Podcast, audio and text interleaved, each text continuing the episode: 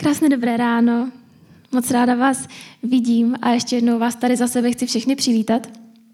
Ale jsou v sálu dva velmi speciální lidi a oni už to ví, který chci, abychom speciálně přivítali ještě potleskem a to jsou moji rodiče, kteří jsou tu dnes na návštěvě.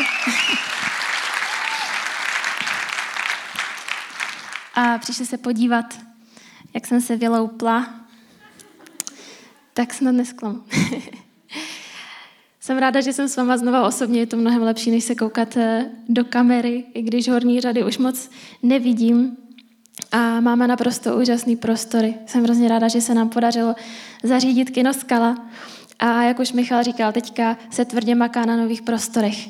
Spousta těch našich borců i některé ženy a jsou teďka na brigádách a a předělávají ponrepo a bourají stěny, vytrhávají koberce, zrcadla, je to taková terapie a, a je to hrozně super.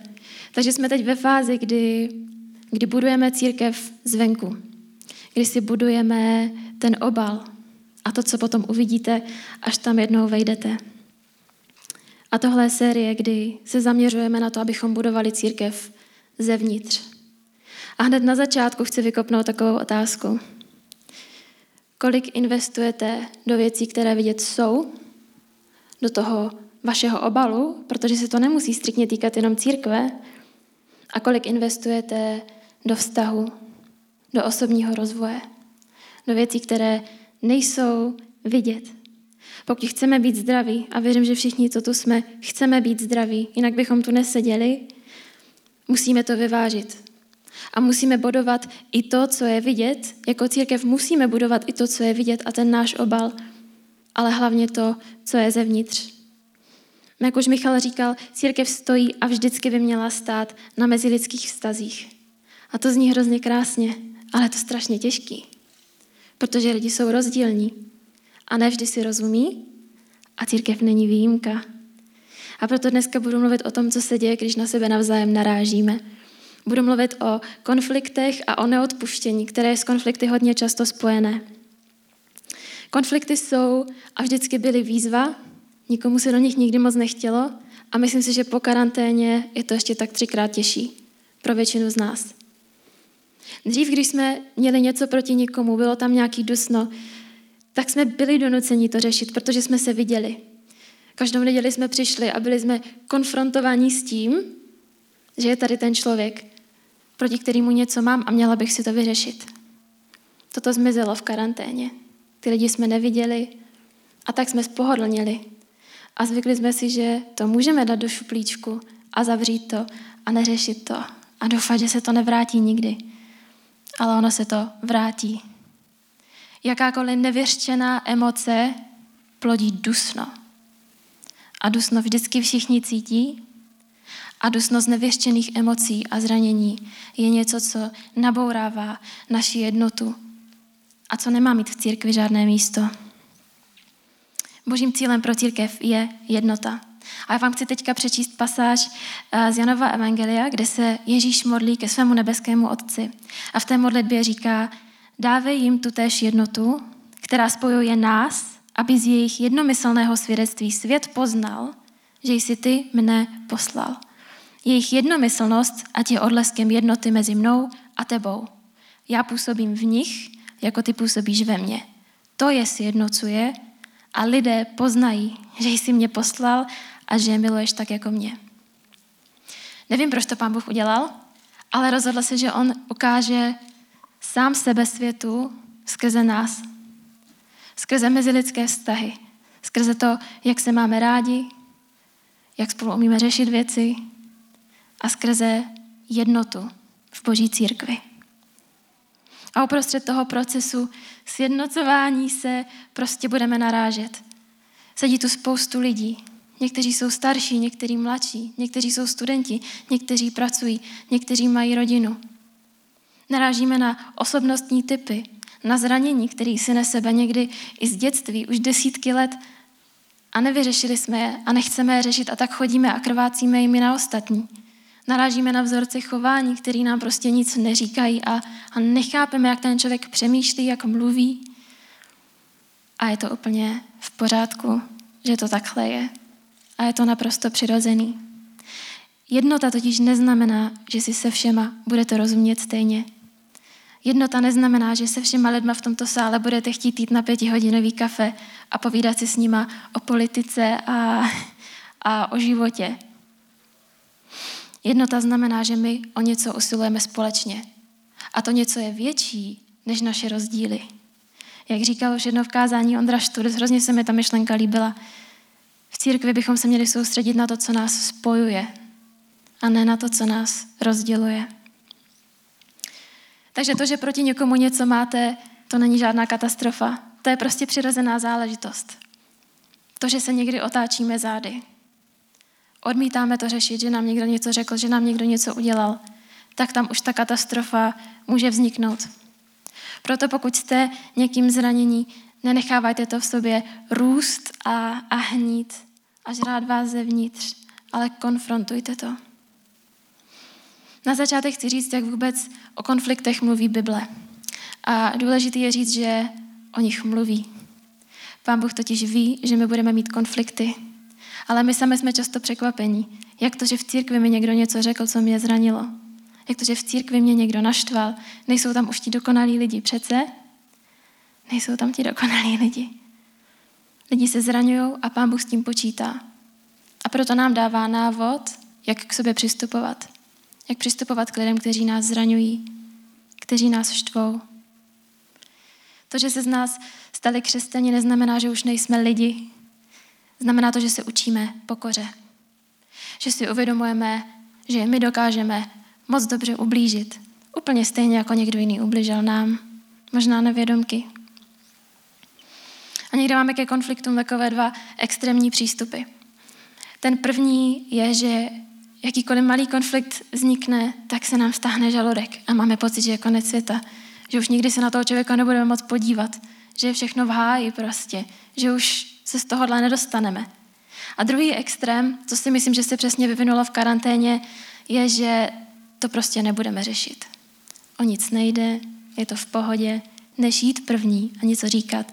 Radši si to nechám pro sebe a, a uvidím, co se s tím stane. A ještě předtím, než se koukneme, jak vůbec konflikty řešit, vám chci říct, co si o nich myslí Pán Bůh. Bůh ačkoliv počítá s tím, že konflikty budou a že budeme narážet na svoje rozdílnosti, tak to nemění nic na tom, že to láme jeho srdce. Je to jako, kdyby se koukal na svoje vojáky na bitevním poli, kteří předtím, než se rozběhnou na nepřítele, se začnou mydlit mezi sebou. Jak frustrující je ten pohled, který říká, ten nepřítel je ale tam, ne tady vedle tebe. Jak frustrující to je. Tak moc, že nám Pán Bůh říká, že než přijdeme k němu, tak chce, ať ty konflikty s lidma vyřešíme. Píše se to v Matoušovi v páté kapitole. Dáváš-li do pořádku svůj vztah k Bohu a uvědomíš si, že máš s někým nesrovnalost, odstraní a smíř se s ním. Teprve potom předstup před Boha. Nejsi-li ochoten ke smíru s druhým člověkem, bude na tebe žalovat tvůj hněv před Bohem a neunikneš odsouzení. Bůh nám říká, předtím, než jdeš za mnou, tak to běž urovnat s lidma. A myslím, že tohle je celkem výjimečná situace, protože jinak říká, přijďte ke mně všichni unavení a obtěžkaní, přijďte ke mně všichni hříšníci, jsem tu s otevřenou náručí. A najednou dojde na konflikt. A pán Bůh říká, ne, běž a vyřeš to a pak se můžeš vrátit. Proč je to tak důležitý? Proč je tohle takový big deal? Protože si Bůh vybral, že se ukáže skrze naše vztahy a skrze nás. A protože vztah s lidmi a vztah s Bohem je něco, co nemůžeme nikdy oddělit od sebe. Pokud máme dobrý vztah s Bohem, budeme mít automaticky dobré vztahy s lidmi a budeme o ně usilovat. Pokud máme špatné vztahy s lidmi, pokud máme nevyřešené konflikty, tak nemůžeme upřímně přistoupit před Boha a dlouhodobě to tak prostě nechat být. Boží cíl je vzájemná láska, je to pokora, je to jednota a to je něco, k čemu nás vždycky povede. Proto pokud je člověk blízko Bohu, jedna z prvních, ne úplně první oblast, na které se to projeví, bude to, jak se chová k lidem. a jaké má vztahy s lidmi. Neřešené konflikty Bohu nikdy neuniknou. A možná to znáte, když proti někomu něco máte a jdete se modlit a, a úplně doufáte, že Pán Bůh z toho nevšimne a, a tak tam stojíte a, a žehnáte někomu úplně jinému a modlíte se za práci, ale cítíte to ve vzduchu. Je to i to dusno ve vztahu s Bohem, kdy tam stojí takhle velká zeď a my prostě děláme, že, že tam není a že ji budeme ignorovat a že Pán Bůh na to zapomene. Ale nezapomene. Když už teda jdeme do konfliktu, jak to udělat správně? Mám takové čtyři body. Pokud jste zvyklí si psát poznámky, tak je to super. Pokud ne, tak vás do toho pozbuzuju. Je to strašně komplexní téma. Mohli bychom o něm mluvit hodiny. Takže vám chci dát jenom takový základní nástřel, návod a doufám, že až budete v těch situacích, a každá je specifická, každá je jiná, že se třeba k těm poznámkám vrátíte a připomenete si tyhle důležité principy. První bod, co je při řešení konfliktu důležité, je odhodlání. Bojujete s tím, že se vám nechce přijít, že to nechcete řešit? Mně taky. Nikomu se to nikdy nechce řešit. Nikomu. Pokud potkáte člověka, který je rád v konfliktech a rád konfrontuje, tak má problém. Nechce se nám řešit konflikty, nechce se nám vstupovat do těžkých konverzací, zjišťovat hnusné věci nejenom o druhých, ale hlavně sami o sobě. A já chci, abyste se dneska mohli sami sebe zeptat, proč nechci vstupovat do konfliktu? Možná se snažíte vždycky dělat všechno správně a vstoupit do něčeho pro vás tak negativního, jako je konflikt, se vám nechce a považujete to za vaše osobní selhání. Možná se necítíte dostatečně kompetentní na to někoho konfrontovat a tak to raději v sobě dusíte a, a doufáte, že ty negativní emoce přejdou. Ale oni nepřejdou, oni rostou. Když je dáme do šuplíku a zavřeme, tak se sami vytáhnou v té nejméně vhodné situaci po pár měsících a jsou třikrát větší, než byly předtím. Možná se bojíte, že když vstoupíte s někým do konfliktu, tak vás ten člověk přestane mít rád tak ztratíte jeho důvěru. Tak to nějakým způsobem poznamená váš vztah. Možná podvědomě cítíte, že i vy sami v tom konfliktu máte nějaký díl a nechcete být konfrontovaní zpátky. A možná jste jenom pohodlní a máte pocit, že konflikty ruší ten pozitivní vibe a, a tu naši pohodu a, a je to zbytečný drama, kterým si nechcete zatěžovat život. Neřešený konflikt ale nikdy nevyšumí. Může se to tak na chvilku zdát, ale je to jako byste postupně přilívali do láhve. A jednou tam spadne ta poslední kapka a ta láhev se převrhne a vylije se všude. Vylije se všechno, co v ní bylo za poslední týdny, za poslední měsíce. A to nikdy není dobrý a většinou se to stane v momentě, kdybyste to přesně nechtěli. Ty naše bloky, to, proč nechceme jít do konfliktu. Možná je to něco z toho, co jsem četla, možná vás teď napadlo něco úplně nového. Většinou vznikají v našich klíčových vztazích. A to hlavně v rodině. A chci, abyste se teď mohli taky spolu se mnou zamyslet, jak se konflikty řešily u vás doma. Bylo tam násilí, byl tam křik, bylo to hodně emočních výlevů, citový vydírání manipulace. Nebo se neřešili, přesouvali se, dělalo se, že neexistují, řešili se pasivně, agresivně. Co si vy o konfliktech odnášíte ze svých klíčových vztahů, z vaší rodiny? Vidíte konflikt jako něco, co není úplně negativní. A aby je to nepříjemný, je to cesta. Je to cesta ke smíření a k nalezení nějakého kompromisu. Nebo vidíte konflikt jako čistě negativní věc, ze které se vám chce utéct. Na konci bych chtěla dát možnost všem z vás, kdo o to budete stát, abyste mohli pustit špatné představy o tom, co je to konflikt a jak se má řešit a mohli přijmout ten boží návod, ten boží pohled a boží měřítka. Druhý bod, co potřebujeme při řešení konfliktu, je sebereflexe. To znamená, jak dokážeme být upřímní sami k sobě. Není úplně od věci, předtím, než jdeme někoho konfrontovat, se zeptat sami sebe. Proč mi teď vlastně vadí to, co mi vadí? A já tu mám pár otázek, sedm otázek, které věřím, že bychom se měli ptát předtím, než jdeme do konfliktu, abychom zjistili, jestli do něj vůbec jít, nebo jestli je to o nás, případně z jaké části. Pokud si teď píšete, budu moc ráda, když si napíšete tyhle otázky, nejlíp, když si je třeba vyfotíte. A když předtím, než půjdete konfrontovat, si vážně sednete a, a dáte si na ně odpověď. Opravdu se to takhle seběhlo? Nebo si to takhle chci jenom pamatovat? Někdy chceme být oběť a není jiná cesta. Ten člověk to, co řekl, řekl, aby mě napadl, aby na mě zaútočil a takhle si to chceme pamatovat a chceme si to pamatovat v roli oběti. Jak moje slabá místa a nejistoty ovlivňují to, jak se na celou situaci dívám. Které negativní části sebe sama vidím v člověku, kterého tak kritizuji. Někdy máme pocit, že nás ty lidi brutálně štvou, přitom nám jenom nastavili zrcadlo, abychom viděli sami sebe. A častokrát nejsme naštvaní na ně, ale především sami na sebe. A je potřeba to rozpoznat. Je mým cílem mít teď pravdu nebo dojít ke smíření. Za jakou část v konfliktu nesu zodpovědnost já? Jak moc je tohle všechno o mém egu? Spoiler, ve většině případů je to hodně o našem egu. A poslední, nesvaluji náhodou vinu na druhé proto, abych se vyhnula těžké konverzaci, kterou potřebuji upřímně vést sama se sebou ohledně svých citlivých a nevyřešených oblastí. Když jdeme konfrontovat, musíme to dělat svědomím, že i my sami jsme konfrontovatelní. Jak berete feedback? Jak berete kritiku?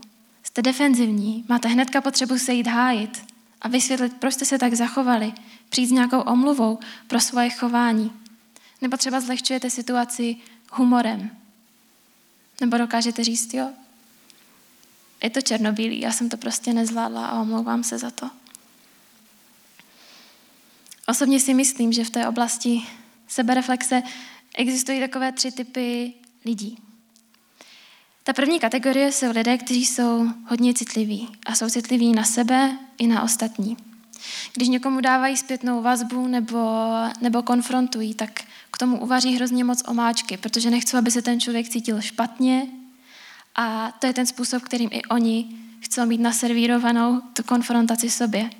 Potřebují omáčku, potřebují ujištění, potřebují slyšet, že je všechno v pohodě. Druhý typ jsou lidé, kteří nejsou tak citliví na sebe ani na ostatní. Jdou a žádná omáčka tam není. Prostě to pálí, jak z kulometu. Ale stejným způsobem chcou, aby vy jste jednali s nimi. A když vaříte omáčku, tak je to frustruje, protože chcou jít k věci. A chcou slyšet, co bylo špatně, aby to mohli napravit. A třetí typ jsou lidi, kteří jsou citliví sami na sebe, ale necitliví vůči ostatním. Když jdou konfrontovat, tak to pálí jako z kulometu a omáčku nikdy nikomu neuvaří, ale vždycky chcou, aby jim ostatní tu omáčku tam dali a uvařili. Každý konfrontujeme a každý snášíme konfrontaci jinak a to je zase úplně v pohodě, protože jsme rozdílní. Ale pokud jste k sobě upřímní a přišli jste na to, že možná budete spíš ten třetí typ, tak vám chci říct, že většinou za to může ego, což je dobrá zpráva, protože s tím se dá podle mě celkem snadno pracovat, když se nám chce a když jsme otevření. Ego je většinou na vině, mezi lidských konfliktech. Ego se totiž soustředí jenom na nás samotné a působí nezdravou přecitlivělost na nás a necitlivost na lidi kolem. A spolu s tím souvisí třetí bod. Vždy, když jdeme do konfliktu, potřebujeme hledat boží perspektivu. Boží perspektiva je ohromně pokořující. Boží perspektiva dává pryč nerovnosti mezi náma. Před Bohem, tak jak tady sedíme, jsme si všichni rovní. A pokud si říkáte, že nemůžete někoho konfrontovat, protože on má tuhle pozici a vy máte tuhle pozici, tak je to blbost. Jestli máme nějakou pozici, tak ji máme, protože nám ji dává Pán Bůh. Ale on sám nevidí kazatele a vítače, nevidí člověka, co dělá kávu a člověka, co vyučuje. Vidí rodinu.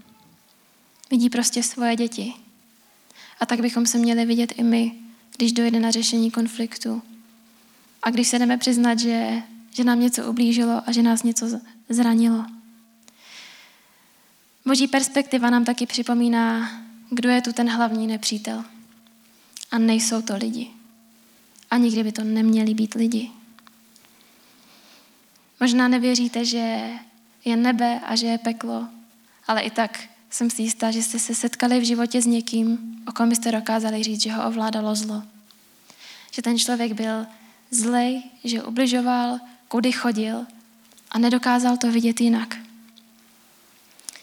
V Bibli se píše, vždyť boj není namířen proti lidem, nýbrž proti silám neviditelné duchovní říše, proti mocnostem zla a tmy, které ovládají vztahy mezi lidmi a národy.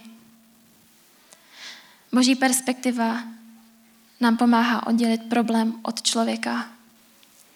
Být naštvaní na problém, ale mít milost pro toho člověka. Naše perspektiva se dívá na člověka a říká, tohle je problém. Proto potřebujeme přijít před Boha a poprosit ho, aby on nám ukázal, jak toho člověka vidí. A to je ten moment, kdy se obněkčuje naše srdce a dokáže mít milost. Dokážeme vzít ten problém a dát ho mimo a být naštvaní na ten problém. Na to, co ovládá toho člověka, na ten hřích, ale už ne na něj, jako na stvoření. Poslední bod je měkké srdce. Zášť, hořkost z neřešených konfliktů naše srdce zatvrzuje. Působí to neodpuštění, zlost, sebelítost, zkrátka všechny zlé věci. A říká se, že dobré věci rostou, ale rostou i ty špatné věci. A šíří se hodně rychle, jako požár. Zlo nikdy nezůstane, nezůstane jenom v malém. Pokud máte s někým problém a zahořkli jste vůči tomu člověku, pocitujete nechuť, kdykoliv ho uvidíte, to nezmizí jen tak samo, ale bude to růst. Bude to růst.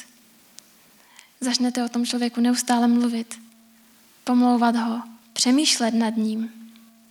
Zlo nikdy nezůstane, jenom tak v malým, tam do šuplíčku, kam my si ho zavřeme. Potřebujeme tyhle věci vždycky vynést na světlo. Z vlastní zkušeností vím, že když to neudělám já, tak to na světlo vynese Bůh. Ale už to nebude moc pěkný. Nejlepší je jednat včas.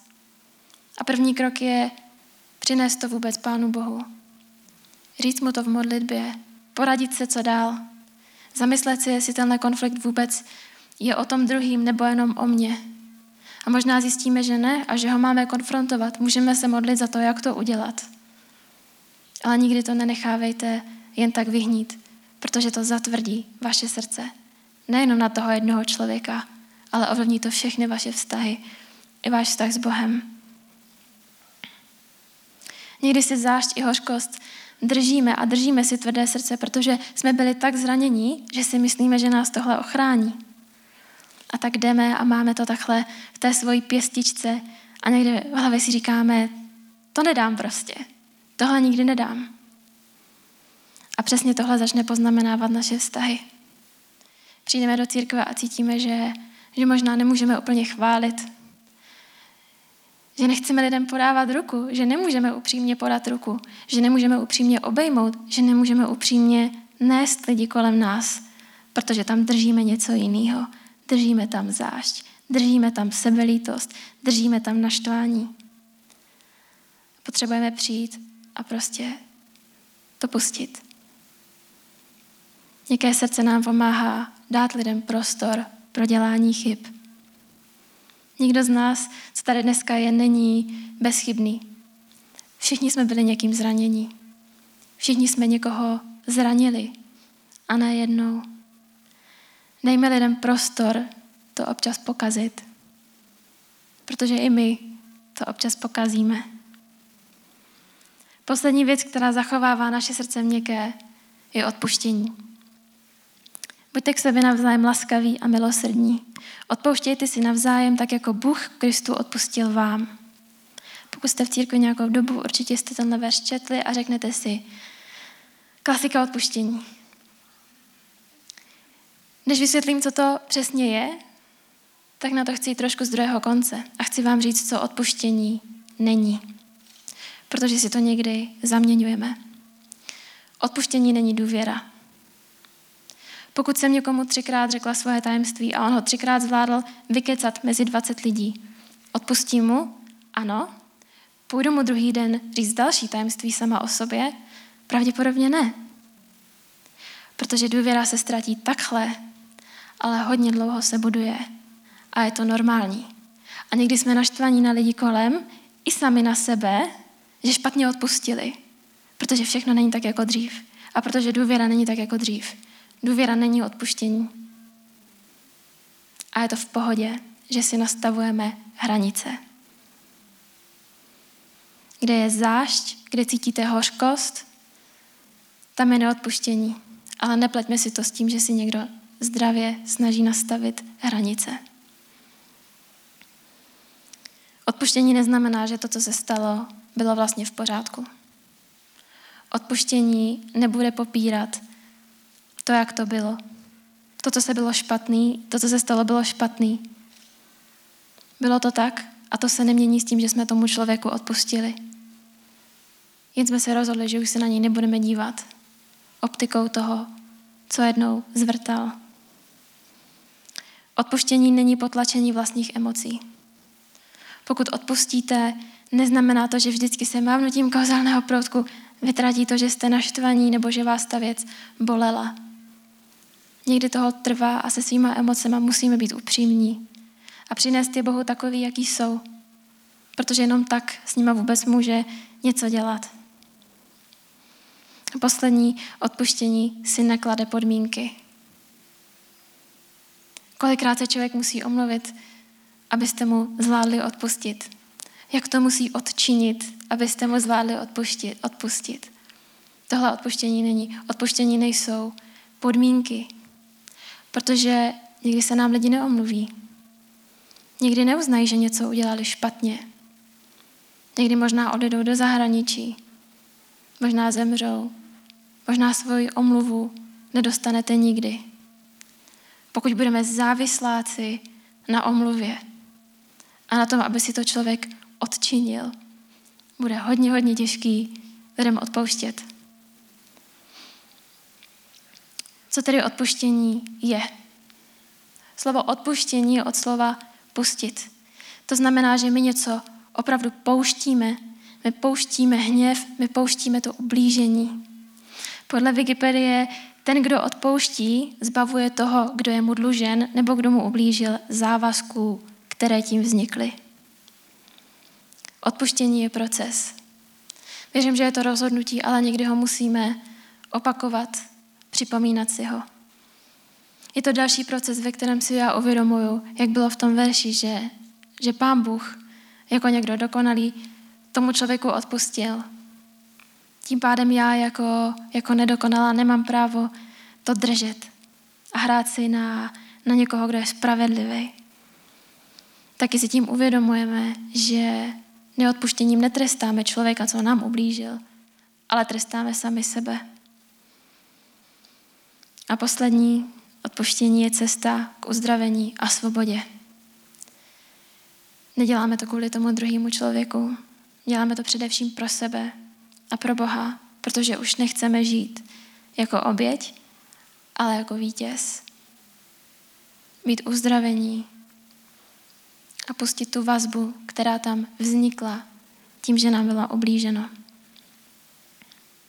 Odhodlání, sebereflexe, boží perspektiva a měkké srdce ochotné odpustit. To potřebujeme pro zdravé a dobré řešení konfliktu. Konflikty jsou děsivé a vždycky budou. I po tomhle kázání se nic nezmění. Bude to pořád stejně nepříjemný. Ale pamatujme si, že je to právě skrze vztahy a vzájemné rozdíly, kde nás Pán Bůh učí pokoře, kde nás učí empatii, nesobeckosti, zodpovědnosti a poctivosti. A myslím, že na to často zapomínáme. Proto pokud se někdy modlíte uh, sami za sebe, za, za svůj charakter, tak vás chci pozbudit, abyste si psali to, za co se modlíte. V přísloví se píše, železo se brousí železem, tak přítel brousí svého přítele. Je to právě skrze mezilidské vztahy, kde nás Bůh mění. A my na to zapomínáme. A modlíme se, ať jsem víc pokorná, ať Pán Bůh láme moje ego a čekáme, že to udělá nějakým úplně super speciálním způsobem, duchovním. Ale po pár dnech někdo přijde a brutálně nás něčím konfrontuje. A my se tam cítíme být v právu a řekneme si, že je to úplný debil. Já všechno dělám správně. A tohle je promarněná šance od Boha. Toto je promarněná šance to začít dělat trošku jinak. Pište si, za co se modlíte a vracejte se k tomu, protože pak spíš uvidíte, jak to Pán Bůh reálně dělá skrze mezilidské vztahy, skrze církev. Dostávám se teďka úplně k poslední myšlence dnešního kázání. A to, že při budování vztahu i v rámci nějakého našeho osobního rozvoje naše omluva možná vždycky stačit nebude. A to hlavně v případě, kdy není vidět změna. Kdy není vidět změna v našem chování. A chci vysvětlit se rozdíl mezi omluvou a pokáním. Pokání je takový slovo, který se vám možná úplně nelíbí. Možná si představujete, jak někdo pláče na kolenou a, a lituje toho, co udělal. To není úplně pravý význam slova pokání. Podle Bible pokání znamená změna postoje. Je to změna v přemýšlení. To znamená, že je nám líto, co se stalo, ale tam to nekončí. A my změníme to, jakým způsobem přemýšlíme a jakým způsobem jednáme. V Lukášovi ve třetí kapitole Ježíš říká, ovoce pokání jsou činy. Ovoce pokání jsou činy. Dokažte jimi, že se opravdu chcete změnit. Omluva říká, promiň, mrzí mě, co se stalo. Pokání říká, promiň, mrzí mě to, ale já to chci dělat jinak. Já podniknu kroky pro to, abych tě už takhle nezranila. Chci změnit to, jak se chovám, chci změnit to, jak vidím lidi. A to se oplatňuje všude, nejenom v církvi, ale i v našich partnerských vztazích, v našich přátelských i rodinných vztazích. Někdy potřebujeme činit pokání a odebrat si z toho to, že je to křesťanský slovíčko, který znamená něco vznešeního a člověka na kolenou. Je to lítost, kterou následuje změna. Určitě jste každý zažili někoho, kdo se vám pětkrát omluvil za stejnou věc. Když přišel po šesté a řekl, Jo, promiň, mrzí mě to. Jak jste to brali? Nebylo vám to už jedno? Nebylo to prostě jenom nějaký slovo? Potřebujeme se měnit. A když jsme něco pokazili, někdy ta omluva už prostě nestačí. A musíme činit pokání. Díky Bohu máme všichni možnost změny. Máme novou šanci každý den se měnit a vyvíjet. Máme možnost napravit náš vztah s ním, napravit naše vztahy v rodině, s lidmi, v církvi. Máme možnost činit pokání, což je prostá věc. Prostě jenom říct, promiň, že jsem tohle pokazila. Promiň, že jsem ti ublížila. Už to nechci takhle dělat. A tohle jsou kroky, které podniknu proto, aby se už tohle nemuselo nikdy opakovat. A nechci, abyste teď eh, odcházeli rozbití z toho kázání, ale abychom odcházeli odhodlaní. Vzít zodpovědnost za naše vztahy a jít ty věci řešit. Usilovat o jednotu mezi náma, usilovat o pokoj a o upřímné vztahy v našem životě. Chtěla bych se teď modlit A chci poprosit všechny z vás, jestli byste teď mohli sklonit hlavu nebo zavřít oči. Nic se vám nestane. Chci jenom, aby každý měl teďka prostor k tomu víc sám před Bohem. V jisté intimitě a, a udělat si tohle rozhodnutí sám za sebe bez očí spousty svědků. A chci vám dát teď příležitost k tomu činit pokání. Možná cítíte, že potřebujete změnit svůj postoj k Bohu. Možná cítíte, že máte v sobě zášť, že vám někdo ublížil a nedořešili jste to s tím člověkem. A chcete činit pokání, to znamená, chcete si to jít vyříkat, chcete to změnit. Možná vy sami jste někomu ublížili a nechtěli se za to vzít odpovědnost. I vám chci dát možnost dneska činit pokání, to znamená změnit se v tom, vyjádřit lítost a podniknout kroky pro to, aby se to nemuselo opakovat a abyste vstoupili do nějakého procesu změny. Nevím, z čeho chcete dneska činit pokání vy, nevím, jakou změnu potřebujete vy, ale budu se teď za vás modlit a chtěla bych, aby ty z vás, kterých se to týká, jste teď zvedli ruku. Ne přede mnou, ale před Bohem. Abyste tím zvednutím ruky mohli říct, já tohle chci udělat. Dneska chci nějakou změnu. Takže pokud jste to vy, ani já se nedívám, můžete zvednout ruku teď.